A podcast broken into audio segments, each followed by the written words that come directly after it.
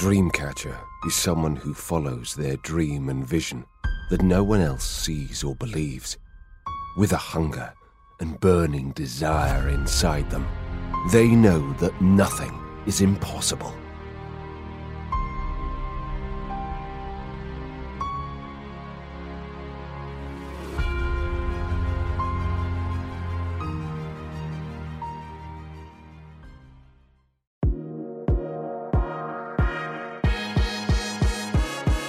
Dagens avsnitt sponsras av Sve Fastigheter.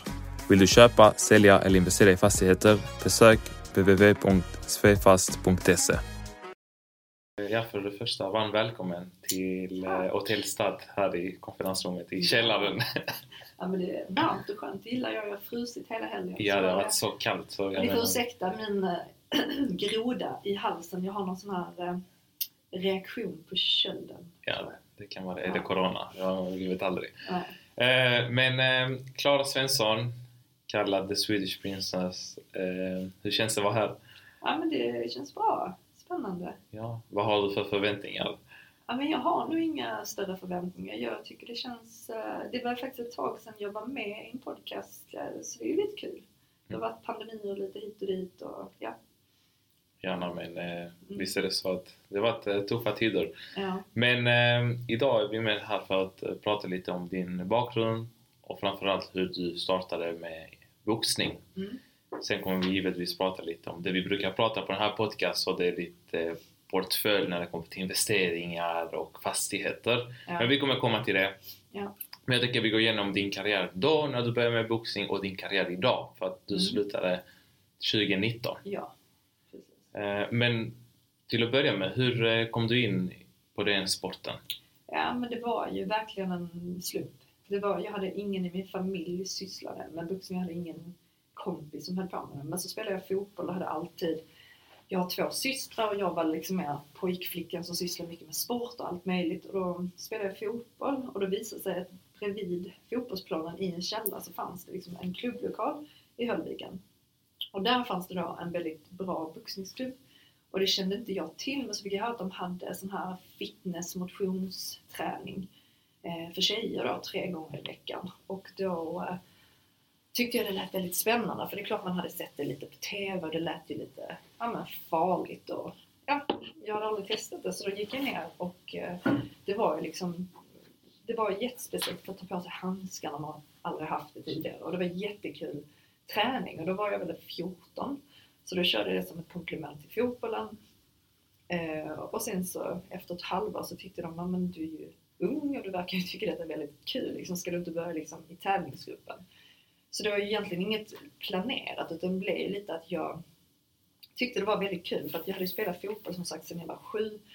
Spelade du med killarna? Ja, jag spelade med killarna varenda rast liksom, i lågstadiet, mellanstadiet och sen så äh, spelade jag i ett flicklag. Men jag var aldrig, jag, jag vet inte, jag var mycket, jag var duktig, liksom en av de bättre spelarna så, men jag, jag tyckte nog inte det var så kul att jag hade kunnat tänka mig att satsa liksom. Jag hade nog inte riktigt självförtroende. Att jag, det var mycket så här jämförelser och jag var inte liksom någon sån här som gillade att tacklas eller liksom var tuff så, utan jag var mer en finlirare.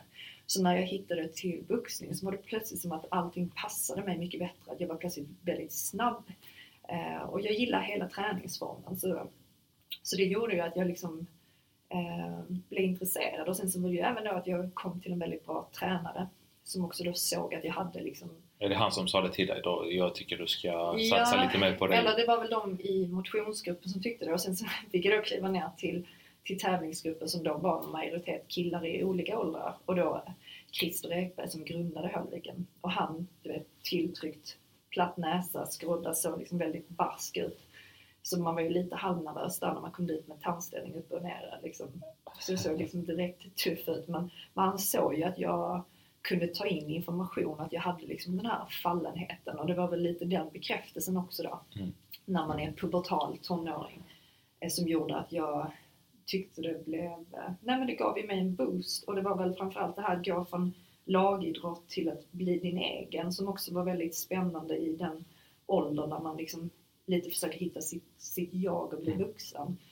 Så det blev nog en väldigt bra timing och sen så hade han ju så mycket disciplin och organisation så att jag liksom blev en del av tävlingsgruppen utan att egentligen planera själv. Så att, ja, ja, sen plötsligt så tränar man en hel sommar och sen skulle man gå match och sen eh, gick det vidare. Ja. Men hur var det och, och från, från att gå från träning där man vill ha det som ett komplement som du säger och sen att nej men nu ska du slåss på riktigt. Ja. Nu är det match. Eh, ja, men det, det svåraste var väl första gången när du skulle liksom träffa någon annan i ansiktet eftersom du lite är upplärd med att du inte slår på andra. Men sen när man inser att det är liksom poängtavla och du förstår att det är liksom en slags dynamik eller det är typ ändå en slags eh, träningsdans när du sparrar med den andra så, så kommer man ju över det. Men, men eh, det är klart att tävling är ju, det var ju väldigt nervöst. Eh, och inte egentligen för att man var rädd att liksom få ont, utan det var ju den här prestationsångesten som de flesta ska göra bort mig, ska jag kunna leverera? Men det var ju alltid den här euforin efteråt som ändå blev värt det. Så det var liksom lida, lida, lida. Eh, gilla att vara i ringen. Um, och sen, jag tänker att liksom eh, i början så gick jag ju eh, matcher då mot folk som kanske hade gått fler och hela den biten. Men eh, jag började väl vinna ganska tidigt och fick med mig liksom domarbeslut. Så tänkte jag så här, men vad är det som gör att jag vinner? För jag tyckte också, jag kunde ju säga att de andra var nervösa, men det var just att jag kunde hålla ihop och fokusera och ta in information. Det var väl det som var nummer ett. Och att jag, eh, jag låste mig inte utan jag var väldigt hetsig och aktiv vilket gjorde att jag liksom eh, Så det är liksom en insikt i att vad, vad är det som gör den här skillnaden? Mm. Och sen blev det, ju en lång eh, utveckling av allt Mm. framåt. Vad var svårast i början? Ehm, eh, svårast i början, bra fråga. Spännande med frågor som man inte får. Eh, mm, svårast var nog nervositeten, att hantera eh, liksom de här illamåendet, de här fjärilarna i magen som var liksom, det var ju, var, varför gör jag det här? Det var ju otroligt jobbigt. Jag kunde inte äta, det blev massa så här eh, skrockfullhet och, eh, jag måste ha de här strumporna. Det blev mycket försöka kontrollera Mm. eh, situationen av nervositet. Så det var ju rätt många år där man led av nervositeten men man tog sig igenom det. Så det är ju någonting som jag föreläser väldigt mycket om. De brukar säga att om man är nervös är är det samma käns- känsla som att vara exalterat egentligen. Ja. Det är bara att vi tar det som något negativt när man är nervös. precis. Jo, men det är ju det är väl lite det jag pratar om också, att när man väl inser att det är känslotillstånd och det är ganska naturligt att känna det inför en prövning.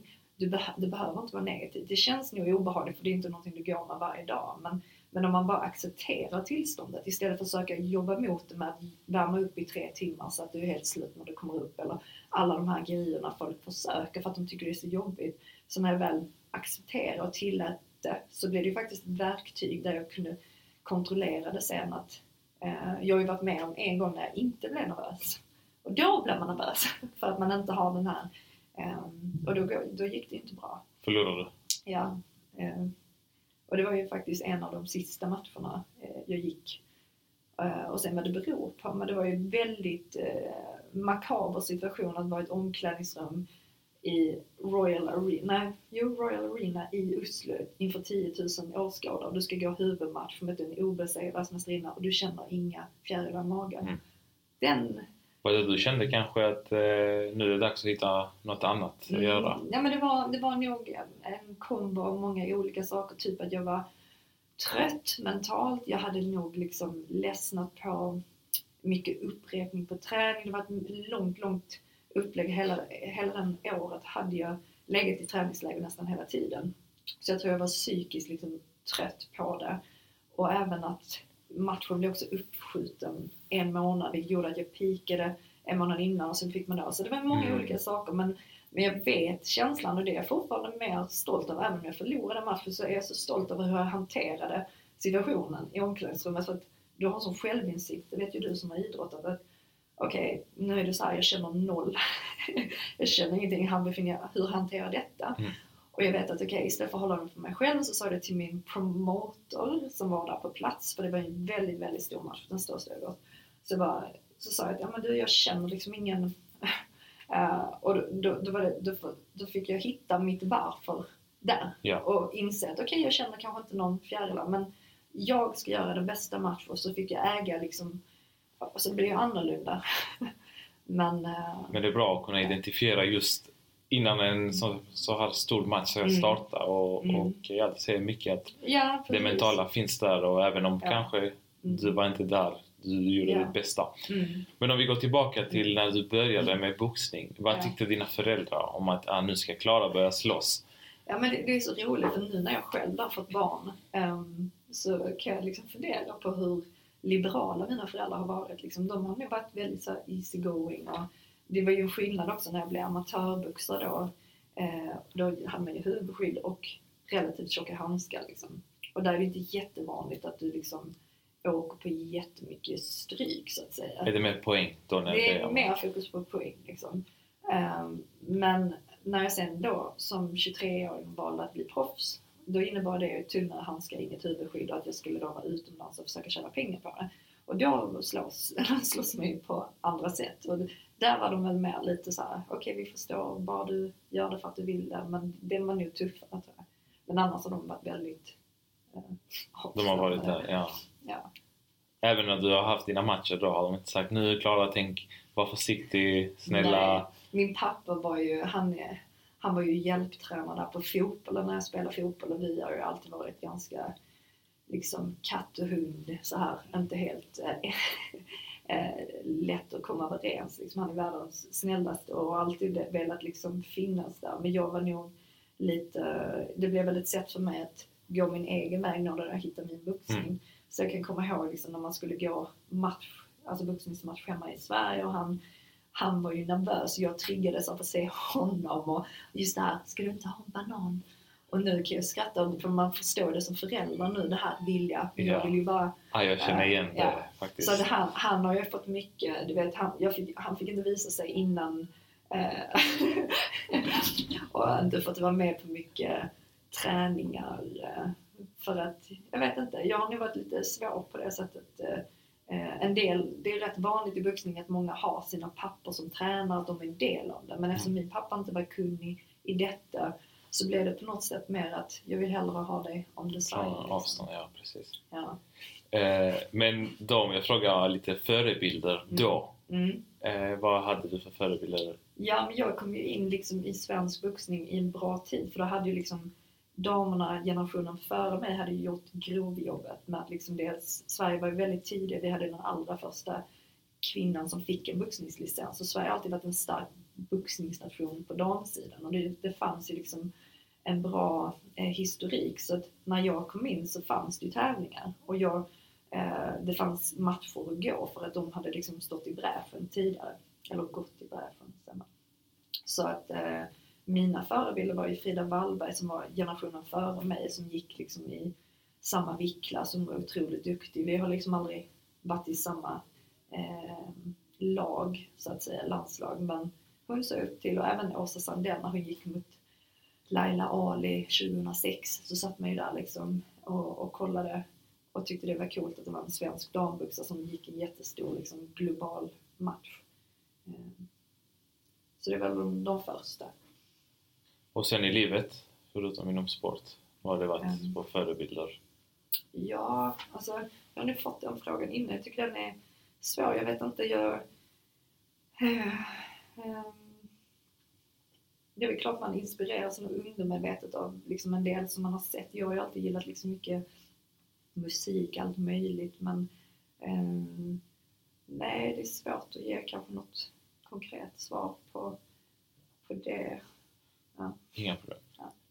Din mamma, Ja, men min Det- mamma absolut, absolut. säker... eh, Jo hon- men hon, hon, hon är ju hemma nu. Exakt. Nej men min, min mamma absolut, just det. Jag tror hon har ändå varit, det inser man ju också som vuxen, att saker hon har sagt, eh, lite sanningar när man har varit barn, liksom var aldrig lat. Bara, ta inte några genvägar. Man ska alltid, liksom det här att man alltid ska vara snäll. Det är ju saker som jag själv nu tänker på, att hur mycket det har gett mig fördelar. Eh, eh, som egentligen går hand i hand med att bli framgångsrik oavsett om det är boxning eller något annat. Att du vinner väldigt mycket på att vara snäll. Mm. Eh, Och det låter så mesigt oavsett vad du sysslar med. Men jag tror att de flesta som är framgångsrika, ja du kan ha tagit dig dit på olika sätt och det finns ju säkert andra eh, mindre snälla vis. Men jag tror många blir framgångsrika eftersom de har förmåga att eh, få folk med sig och eh, liksom etablera kontakter. Ja, att vara ledare och ha bra kommunikationsskills. Ja, och att se människor. För att eh, folk blir lojala mot dig om du ser dem. Mm. Men inte om du inte är intresserad. Så det här med att jag alltid varit intresserad av nya människor, att jag alltid varit väldigt icke-dömande, det har ju gjort att jag, ja men till exempel när jag var proffs i Tyskland, då var jag deras första tjej, jag var enda svensk, jag kunde inte tyska. Så när man kommer till ett helt etablissemang med klubb, det finns en chef, det finns hans hantlangare, det, du vet, blandning av allt. Du, liksom den killen eller mannen som jag trodde kanske var vaktmästare, det visade sig efter ett år att han var ju andra hand till chefen. Och att, att jag inte dömde bort honom, Mm. det är den som jag tagit med mig jättemycket i att, att faktiskt eh, aldrig, vad säger man, så, här, räkna ut någon. Nej. Eh, Det är viktigt med integritet eh, för alla. Det Ja. spelar ingen roll vem, även om Ja, det hade varit vaktmästaren. Ja, ja. Eh, och som sagt att det finns alltid eh, en fördel i att inte vara ett rövhål tror jag. För att du, du vinner i längden på att eh, eh, vara snäll med folk. Det har jag verkligen upplevt. Liksom, det kvittar vem det är. Men, ehm, ja.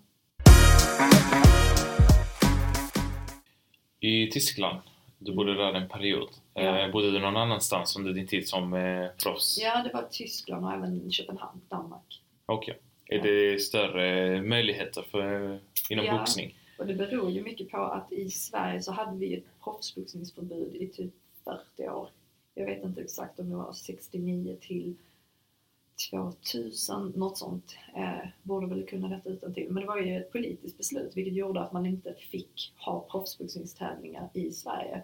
Och man kunde inte då vara aktiv. Och det gjorde ju att liksom hela den här eh, kulturen dog ju. Och då fanns ju Tyskland som väldigt stora. Danmark var det tillåtet, USA.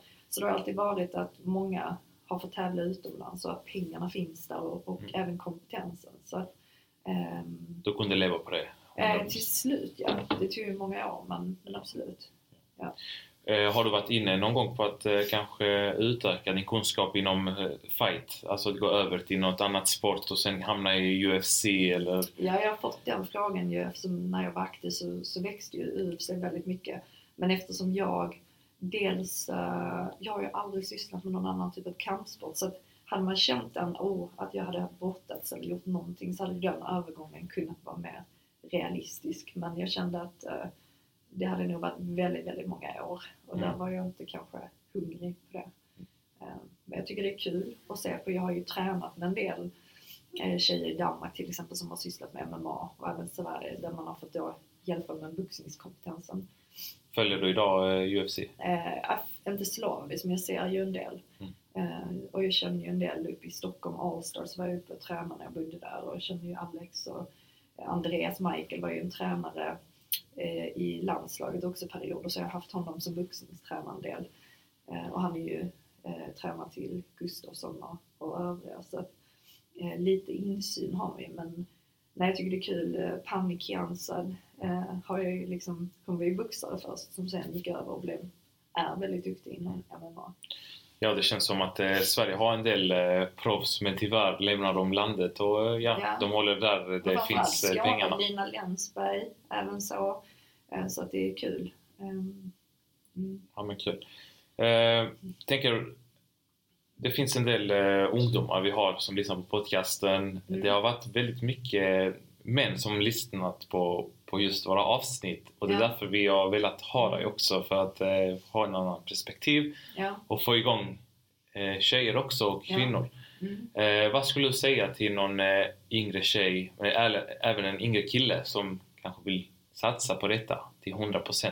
viktiga är ju att förstå att det finns inte ett rätt sätt eller en enda väg att gå. För ofta så glorifierar man ibland människor som man ser har lyckats. Så att det blir liksom ett väldigt stort glapp i att oj, kan de göra detta? Av egen erfarenhet och säkert som du också själv känner för. att många det är ju bara, de är likadana som oss. Skillnaden är att de har gjort val och prioriteringar. Så ibland kan man idealisera folk och sätta dem på en piedestal när, när det egentligen handlar om att du själv hade kunnat gjort samma resa.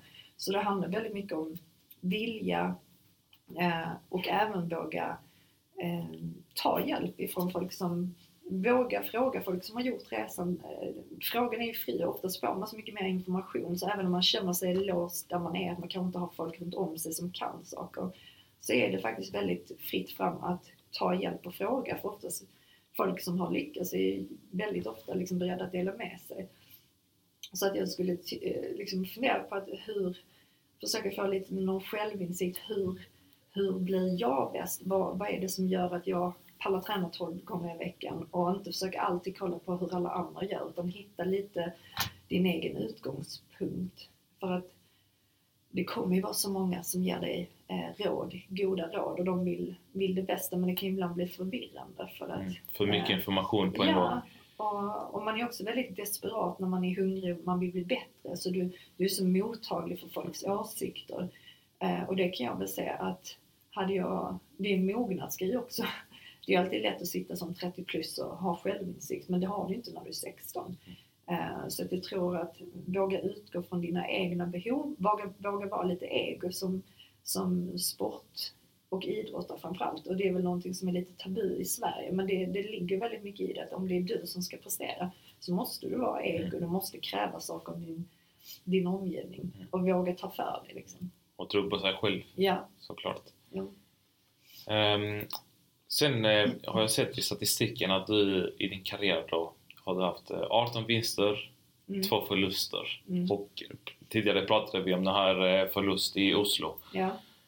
Eh, hur kan du berätta lite om förlusterna? Kom de efter några vinster eller hur mm. började allting? Min första förlust som proffs kom ju 2015 och då hade jag varit proffs då i fyra år drygt. Och då var det ju en lång resa för jag var ju med i landslaget och tog liksom många fina liksom medaljer som amatörboxare. Och det är ju lite så att eh, den klassiska manualen är ju att du, du får ett bra CV som amatörboxare visa upp och sen så kan du då bli erbjuden ett proffskontrakt med dina gamla meriter och att kunna satsa vidare. Så det är liksom Eh, det blir en nystart, vilket jag tycker var jättekul. Det blir ett annat sätt att boxas, flera ronder. Men då egentligen så börjar du från noll och sen så ska du då kliva upp i ranking och få de här tyngre matcherna. Och det tog ju en del år. Och det, det handlar mycket om att du måste mitt fokus var ju att bli så bra jag kunde, liksom satsa 100% och liksom bli så bra boxare som jag kunde, kunde bli. Så när jag då stod på toppen av min eh, då karriär i lätt weltervikt som jag gick i, då var jag första utmanare på VM-titeln mot eh, regerande världsmästarinnan från Argentina. Och då skulle jag gå den matchen i, i Köpenhamn och då var det liksom the biggest fight ever liksom. Eh, och problemet där, lite sidkuriosa, var ju att jag ett halvår tidigare hade liksom avslutat en väldigt destruktiv relation med min dåvarande fystränare som var väldigt viktig i, i liksom hela satsningen framåt. Så jag var ju väldigt eh, eh, nedbruten personligt, eh, olycklig så in i helvete. eh, har nog aldrig mått så dåligt som 2015. Eh, och samtidigt då skulle jag då träna och förbereda mig för inför den viktigaste matchen någonsin. TV-sänd, allt fokus, BBC-bältet.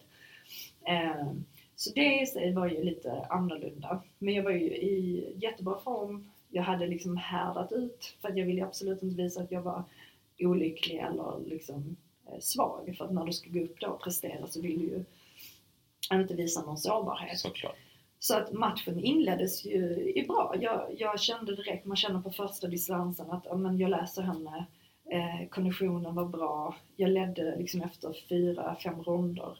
Och sen så gör jag ett misstag i rond fem, att jag eh, sänker min gardering och då möts jag av en väldigt eh, hård högerslugga som sitter på min haka och den ser jag ju inte så jag vaknar upp liksom på på, ring, på rondgolvet liksom, eller ringkammasen. Eh, och förstår väl ändå att okej, okay, du måste ta dig upp. Ja. Och det var ju ett sånt slag, alltså folk pratar ju fortfarande om det, att hur kom det ens upp? För det var liksom ingen liten touch utan det var liksom ja. godnatt nedslagning. Och det var ju i rond 5 av 10. Och det var ju inte optimalt. Men jag, Och då har man 10 sekunder på sig Mm. att resa upp. Ja, och jag kom upp och sen så hade jag tur också för att ronden var slut så då fick jag Återhämta dig, Men ja. jag var ju inte jag var ju jättepåverkad av det. Det gjorde inte, det är inte att det gör ont utan det handlar om att du har liksom, pluggen har gått ur snabbt. Mm, mm. Så det var ju full kaos i min ringhörna för de såg ju att jag var skakad. Så det handlade ju om liksom ut, jaga ikapp nu. Hur länge vilar man då? eh, en nästa- minut. En minut? Mm. Okej. Så jag gick ut i rond 6, minns inte den. Jag gick ut i rond 7. Också liksom, det var ju mycket stress för att man förstod att någonting hade hänt men man liksom var så Mm. Och det är ändå sjukt i efterhand att hon inte lyckas slå ut mig med tanke på... Men jag var ju väldigt bra liksom tränad och ja, kom undan. Och sen rond 8 tyckte jag var konstigt att jag hade ont i knät men det var ju för att jag hade stukat när jag föll ner liksom. Ja, okej. Och sen så vann jag väl till och med i sista ronden men jag, det blev förlust eh, i och med den. Eh, och den, den var ju otroligt jobbig för det blev ju sån antiklimax, obesegrad, den viktigaste matchen den jag hade kämpat för i fyra år. Och sen ett slag som skulle då påverka. Eh, och den, den hade nog inte svidit lika mycket om jag kände att men hon är mycket bättre än mig. Men just det att du hade eh, det var, men jag behövde ju den käftsmällen också. Mm. Så nu i efterhand är det ju någonting som, eh, den förlusten har ju varit väldigt viktig för mig. För att jag tror jag behövde den. För att hade jag vunnit den matchen hade jag nog slutat. Och sen för att jag mådde så dåligt med hela allting och hade väl lite tappat bort mig själv den här jakten efter eh, bälten. Eh, och det är väl lite det här också som man kan säga till yngre människor att det är så lätt att bli målinriktad när du har ett mål oavsett om det är business eller det är sport. Att du, du stänger ner kanske mänskliga behov av liksom socialt umgänge eller liksom prioritera andra saker och till slut du tar lite där, du tar lite där och sen till slut så är du plötsligt olycklig och tom och du har inte fattat varför för du har liksom prioriterat alla andra bitar och där var jag ju lite eh, vid det tillfället. Så det blir ju lite eh, saker och ting ställs eh, på sin spets. Eh, och i och med den förlusten så fick jag ju också liksom börja lappa ihop mig själv och fundera på hur kan jag förändra det här. Eh, och det tog ju sin lilla tid eftersom man är envis och lite Ja men det var, för mig var det nog otroligt svårt att visa mig eh, svag. Mm. Och det är nog lite det här manliga, eh, man är uppvuxen som i boxningsetablissemang, man är ensam tjej. Att, och det är lite också det här att i ringen ska du aldrig visa dig sårbar. Visar jag att det gör ont så kommer hon liksom du Precis. ska aldrig visa att du är trött. Så att man har det så mycket i sig vilket gör att det blir väldigt svårt att säga att man väntar, jag behöver nog ehm, tänka om här. Det är lätt att, eller det är svårt att ha en fasad eh, Mm. framför så mycket folk och visa sig sårbar som du Mm. säger. Mm. Eh, och jag tror det kanske kan, man kan ta det till det privata också. Mm. Mm. Som du nämnde också, du mådde inte bra. Men Nej, jag vet inte, visste folk att du inte mådde bra? Mina närmsta visste ju det. Eh, men inte, det var ju ingenting som man sa till journalister liksom. Och det var ju någonting som var, det var ju ganska färskt också. Och när man är i det så är det väldigt svårt. Nu i efterhand är det någonting som jag verkligen använder för att lyfta i mina föreläsningar. Och, och det är ju någonting som har varit väldigt bra erfarenhet för mig. Som jag tror många kan känna igen sig i. Men, men när man är i det så är det ju jättekänsligt tror jag. Ehm, men eh, det är faktiskt någonting som jag kommer vara med i Mästarnas Mästare som sänds nu i år. Eh, Okej. Vet du det programmet? Ja. Ja. Men- Nej, och där, där kommer jag faktiskt ta upp det. Jag har ju gått ut med det en gång angående liksom just psykisk misshandel och liksom destruktiva relationer. För jag tycker på något sätt att eh, jag om någon är ju liksom en sån tuff tjej, skinn på näsan, har klarat mig själv.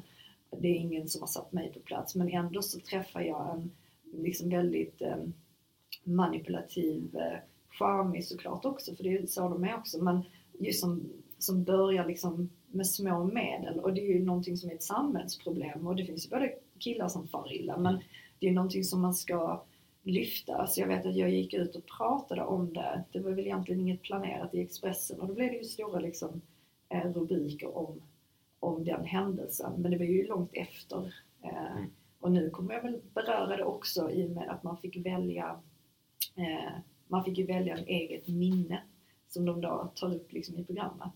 Och det är, det är ju ingen som vet min resa när jag till exempel så mötte Mikaela Laurén ett år efter den händelsen. Att för mig var det en personlig seger. Det var ju egentligen, många såg det som en sportslig rivalitet, men för mig var det en personlig liksom, revansch i att ta mig tillbaka efter hela den här mörka. Mm. Eh, så ja, det är ju sånt som folk inte visste om då. Nej men det är alltid så, man ser bara vinster eller förluster men man ser inte Ja. arbetet bakom. Och, Ja, man och, sätter människan och, bara, och det är ju än en gång många unga människor. Det är precis som Robin Söderling nu som har gått ut med eh, en självbiografi, Sluten. Han spelar ju tennis på elitnivå och han har ju gått ut med liksom sina psykiska utmaningar, problem. Och det är ju någonting som är viktigt att belysa just för ungdomar. För jag vet, jag hade ju någon föreläsning för 200 ungdomar som håller på med idrott. Att just att den här psykiska ohälsan ökar ju bland barn och ungdomar. Och jag tror det bästa man kan göra är att dels liksom, är det någonting som är ett jättestort problem, sök hjälp. Annars är det också så att det hör ju till tyvärr. Och Mm. man behöver kanske inte eh, tro att det är något fel på en. Utan, alla har sina Ja. demoner och sina Ja. utmaningar Ja. men eh, det är fler eh, idrottare som har kommit ut. Det var någon Mm. kille från Helsingborg som hade spelat i Inter tror jag. okay. Eh, han hade haft det jättetufft där i akademin. mm. Eh, han hade varit nära på att begå självmord. Oj, och, ja. Så jag menar, ja, vi alla har skit men eh, Ja. det känns som att tidigare generationer de, de pratar inte om det och det är därför deras barn kan ha fått deras trauma Mm. därefter. Nu tycker jag att det, det finns hjälp, det finns Mm. psykolog, det finns Mm. coach. Eh, jag, jag tycker att man ska inte ha någon coach eller någon person, mentor som kan ge en Ja. råd eller tips. Mm. För att annars, eh, ja speciellt med, alltså i Sverige känns det också, vädret hjälper inte till. Nej. Eh, det sociala finns inte lika Nej. mycket som det finns i andra länder. Du har Nej. bott i Köpenhamn. Nej, och som sagt, man var ju väldigt, jag var ju väldigt ensam. För att jag kom ju till, jag skrev på ett nytt proffskontrakt med den bästa klubben, första svenska ever att få skriva ett kontrakt med dem. Så det var ju liksom guld och gröna skogar, man, trodde man ju. Men sen i verkligheten så var det ju ensamhet, du, du kom till ett ny, nytt land, ny stad och sen skulle du då plötsligt få tv-sända matcher och pressen med det. Och sen så var det ju jag som skulle lösa mycket på plats och den, den är rätt tuff också liksom. Så att, Eh, det är inte alltid så glammigt och det är väl lite så, har man förutsättningar att kunna ha ett socialt umgänge, då är det jättebra. Nu har jag inte kunnat haft den möjligheten för att jag alltid fått flytta utifrån vart liksom vuxenkompetensen fanns. Så att i, i, i en drömvärld så skulle det varit super om jag hade haft liksom en trygghet runt om. Mm. Men det var ju tyvärr inte så. Och så är det för många vuxna till exempel, att de drar sin skuta liksom och eh, får liksom finna sig på plats. Och, det, eh, och så är det säkert inom andra sporter också att du, du får kontrakt i Italien och sen är du, så gäller det att klara sig själv Mm. och även klara pressen med det. Precis. Eh, nej, det är mycket, man ska såklart må bra med sig själv och kunna vara med sig själv med sina Ja. tankar. Men Ja. givetvis behöver man en trygghet runt omkring och då Mm. kan det vara familj, nära vänner, flickvän, pojkvän. Ehm, men ja, intressant att Mm. eh, efter den här förlusten du kunde, Mm.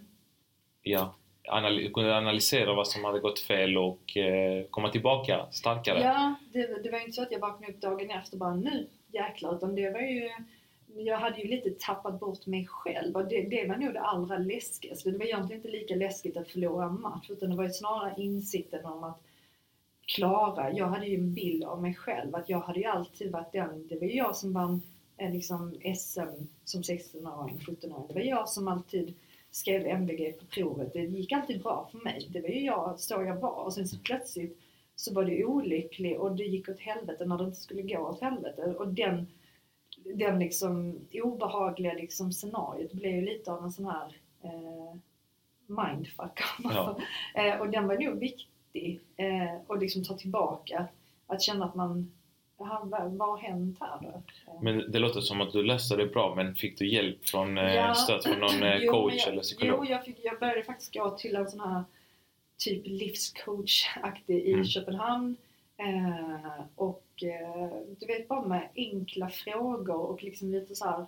Jag hade fått för mig att jag måste bo i Köpenhamn för det är här mitt gym och tränare är. Och så hade jag ju massa familj och vänner i Malmö. Han bara, men hade du inte kunnat pendla då? Och du vet, det fanns en stolthet i det också att om jag ska bo i Köpenhamn.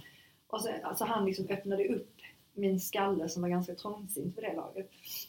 Och det gjorde ju att jag bara, ja men okej, då gjorde jag ett val, aktivt val för att må bättre själv. Och det kunde vara också att jag tog, jag ringde min chef och sa men jag behöver nog lite time off. För jag hade inte haft det mentalt i fyra år liksom. Så då reste jag iväg och åkte, åkte till min syster som bodde och pluggade utomlands. Och bara det här att man gjorde ett val för sin egen skull, att det inte handlar om boxning utan handlar om att jag skulle få energi. Det var då jag började få tillbaka. Och det är också någonting jag säger, det är samma sak liksom när folk blir utbrända. Att liksom, du måste ju börja med en, det kan vara att du tar en promenad som ger dig energi, men du måste fylla på. För att du har så länge kanske bara liksom Ja. öst ut, öst ut, gjort rätt för dig, gjort rätt. Också Ja. som idrottare, man är van att, att bara följa ett schema Ja. från måndag till söndag. Ja, Med träning, vad du ska äta. Mm. Eh, till slut, jag tror man glömmer lite sig själv Ja. för att man är så beroende och det är därför det händer också mm, när man slutar sin karriär. mm, Man tänker, vad ska jag göra nu? Mm. Vad är meningen med livet? Jag har Mm. satsat på detta i 25-30 år Mm. och helt plötsligt, nej men nu ska jag leva, leva mitt liv så som Ja. jag vill. Men du vet inte vad du vill. Nej, för du har aldrig lyssnat på det. Ja, exakt. Eh, nej, men det, det Mm. kan vara bra också. Psykolog kan ge dig de eh, rätta verktyg. Ja, Genom att ställa rätt frågor. Ibland är det bra med utifrån, för jag lyssnar inte på familj och vänner. Ibland är det svårt att göra det. Så det gjorde ju att det faktiskt vände ganska snabbt. Och, och det är det jag säger också, att det, även om det känns åt helvete vid ett tillfälle, mycket kan ju ske på kort tid. Så att 2015, där sommaren, mådde jag ju som allra sämst. Men om man spolar fram ett år, då befann mig i den viktigaste matchen i min karriär som det skulle visa sig inför hela svenska folket, den här stora rivalmatchen med Mikaela Laurén som var, det blev så mycket medialt fokus, det var en sån stor laddad match eftersom vi var två svenskor och vi skulle mötas liksom på hemmaplan. Så mycket kan ju ske. Eh, liksom, även om det känns mörkt vid det tillfället så handlar det mycket om att ja, man vågar göra förändringar, våga liksom och sen löser sig Mm. ofta saker och ting. Mm, ja. Efter regnet kommer solen. Mm, brukar man säga. Så. Eh, Men inte om du står kvar i regnet. Du måste lite så här, ta ett kliv åt sidan och det är väl Mm. lite det. Folk fastnar tror jag. Mm. Eh, Ja.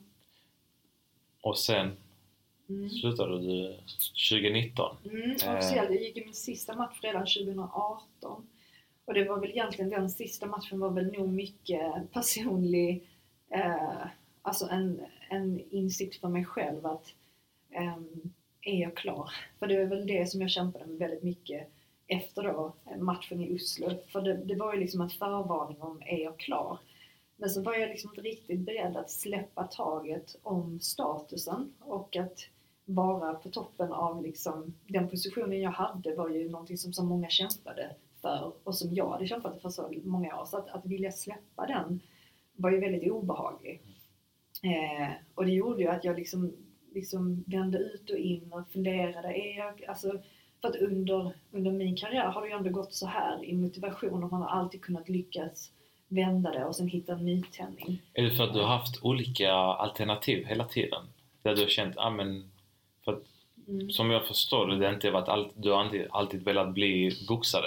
Du kanske hade något annat i... Ja, jag, jag har nog inte varit en liksom jag kan säga så många som är elitidrottare lever sitt bästa liv när de är elitidrottare för det är deras kall. För mig har ju boxningen inte varit kanske mitt livskall. Det har varit något som jag varit jäkligt bra på, som jag älskat mycket. Men det har inte varit min livspassion. Så därför har jag ju fått avse mycket mina personliga, liksom andra egenskaper. Och det är därför jag har lidit väldigt mycket liksom civilt på grund av att det varit ett så krävande liv. Så jag mår ju bättre efter min karriär för att jag nu får leda ut allt det andra. Medan många då som har levt sitt, sitt kall i karriären då är väldigt lost efteråt. Så det är lite så här, Mm. när man ska lida. Men, men nej, men jag, jag, jag har ju liksom det har ju inte varit lätt. Sen har det varit superkul också men eftersom jag har gått igenom alla de sakerna under karriären tidigare med, med val, vart liksom eh, jag har flyttat runt mycket liksom då, då, då var det ju svårt då, ska jag sluta eller är detta bara en dipp? Det är lite den och våga liksom släppa taget. Så därför gjorde jag ju en sista satsning eh, i Berlin på Olympiastadion. Du vet, testade Tyskland för min, min tränare som jag hade haft i Köpenhamn, amerikan, han hade flyttat tillbaka till New York. Och det var egentligen fritt fram för mig att välja vart ska jag träna liksom. Eh, och jag hade ju ett bra stall i, liksom, i grunden. stall är liksom som en arbetsgivare eller vad man ska säga. Eh, och då testade jag det, Berlin i typ 3-4 månader och så körde jag en match och det var liksom ingen stor titelmatch eh, för jag hade haft ett break och gjort lite annat, spelat in massa TV-program och lite sånt eh, innan. Men, eh, men den, den blev ju som en sån här sluten cirkel att jag, jag insåg väl att jag var klar men jag fick göra den i Tyskland som jag älskar liksom och med, med människor som har varit viktiga under min karriär och jag fick liksom äga mitt avslut själv och mm. den tror jag väl ändå är ganska fin nu i efterhand och det, jag förstår ju det ibland när man får frågan, du inte göra en comeback liksom? Och, eh, jag vet ju aldrig, jag kanske vaknar om några år men jag känner ju mig verkligen eh, klar. Mm. Eh, men många som har tvingats sluta eh, på grund av en skada eller att de inte var redo, då blir det ju den här liksom, tänk om. Precis. Så att jag ser det ju som en väldigt liksom en eh, förmån att jag kunde göra det. Eh, ja. Men det, det känns bra att stänga kapitlet. Och, ja, och, och kontrollera, alltså att äga det själv. Bes, att exakt, bestämma vad man vill göra och nu är det dags att göra något annat. Mm. Och livet efter eh, boxning då, hur ser det ut idag? Ja, men det har ju sett olika ut, eh, tänkte jag säga. Men, men idag så, så bor jag ju här i trakterna sedan snart tre år. Och det är typ rekord för mig, för, för många andra är det liksom inte så mycket. Men eftersom jag har varit eh, ganska flyktig i mitt liv så tycker jag det är ett stort rekord att bo på samma plats snart tre år. Eh, och så har jag en eh, flicka som är två eh, och sambo och bonusson eh, som är 17 ska bli 18 som bor hemma varannan vecka. Och sen så jobbar jag ju för fullt, dels som säljare och sen har jag mitt eget bolag där jag gör uppdrag och en del roliga saker både med TV och även föreläsningar jobbar jag en del med. Och sen så sitter jag då i Svenska Boxningsförbundet som styrelseledamot och det är också eh, lite av att ge tillbaka till liksom, i det etablissemanget där man själv var aktiv för tusen år sedan. Eh, som amatörboxare att få ta del av en annan sida av den sporten. Precis. Eh. Ja men se till att utveckla också den föreningen ja. misstänker jag. Mm. Precis. Um, men eh, livet som säljare. Mm. Jag märker att du är duktig på att prata, mm. föreläsa det. Mm. Hur, hur går det där? Jo men jag älskar att sälja. Alltså jag, jag, jag, vet, jag har gjort det sedan barn. Jag vet min mamma skällde ut mig när jag var liten för att jag gick runt i kvarteren och ville sälja allting jag kom över, knackade dörr. Jag gick igång på att försälja saker. Um, och jag vet inte om det är för att vi har så bilhandlare i släkten på min pappas sida, men jag har verkligen fått den.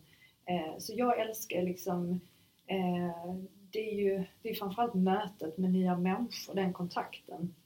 Jag tror egentligen säljet i sig är ju en sak, men det handlar om kicken och mötet och att liksom få, få den lilla Mm. Ja, det kan vara en drivkraft. Eh. Ja, precis. Liksom. Och, um, ja, nej, jag tycker det är superkul och det är någonting som jag verkligen har kunnat tänka mig att vidareutveckla, liksom jobba med, med ja, man vet inte, cellcoachning, sånt kan jag gå igång på lite och ha hybris i sig. Men, men, eh, nej, men jag, jag, tror ju verkligen att det är liksom, har man en fallenhet och man verkligen tycker om någonting så är det ju oftast lättare att Såklart. Eh, liksom, ofta säljare som är också passionerade ja. är de som lyckas sälja för att de tror så pass mycket på ja. tjänsten eller produkten. Ja, och, sen så tycker jag väl, jag är ganska känslig själv när jag köper saker för att man tycker att eh, jag är väldigt lojal om det är en människa som är genuin.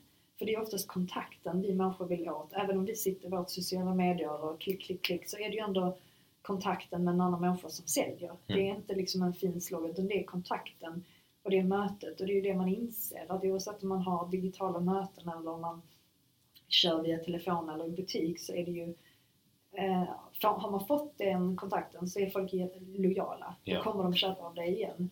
Eh, och det är ju, det är ju så här, eh, fascinerande. Tränar du mycket sälj?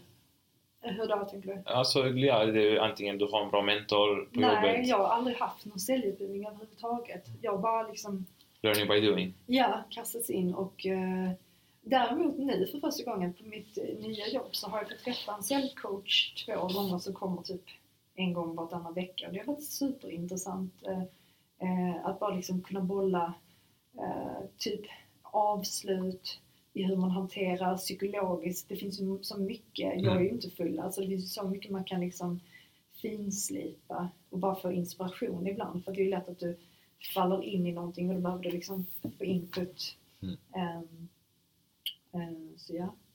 Ja, men, kul! Och om vi går vidare till det vi brukar prata om alltid i Mm. slutet, då är det lite så investeringar. Mm. Eh, ja, vad, hur ens portfölj ser ut. Nu Mm. behöver du inte berätta exakt allt, men investerar du i fastigheter? Eh, nej, men jag funderar ju. Jag har ju faktiskt gått och pratat nu senast i helgen med en man som, som ägde en del fastigheter eh, i Göteborg och Stockholm. Och jag har en sambo som är rätt intresserad också. Eh, jag har väl inte gått in eh, i den världen så mycket tidigare, men det är någonting som jag börjar tycka är eh, mer intressant, som jag tänker på att jag ska öppna upp. Men jag har nog inte varit, eh, eh, jag vet inte, det är väl också att gå över en viss, jag tror vissa där håller sig utanför för de inte känner till det. Men Mm. det är också så här att det, det gäller bara om att öppna upp ett konto. Jag har väl Avanza såklart, men det är inte så att Du sitter- sysslar med aktier då? lite? Ja, nej, men inte aktivt. Men jag har ju lite grann sådär. Eh, Men jag skulle nog vilja bli mer aktiv. Mm. Mm. Men det krävs ju också lite mer... Kunskap? Ja. Ja, men som allt annat. Men eh, jag tror det, i alla fall jag tror väldigt mycket både på fastigheter och, Mm. och aktier, fonder. Men mest fastigheter för att det är någonting man kan röra. Ja. Någonting du kan se, du vet. Och det har väl egentligen aldrig varit en dålig investering någonsin. Det är väl lite den tryggheten också gällande Precis. fastigheter. Men det är, nej, det är spännande. Ja, nej, men Mm. absolut. Ehm, då vill jag faktiskt eh, tacka dig för att du kom idag, Klara. Eh, jag vet att vi har jagat dig, eh, men till slut fick vi, fick vi träffa Du dig. får ta dig till Viksjön. Ja, precis. Eh, Men väldigt inspirerande. Vi ser fram emot att följa din resa.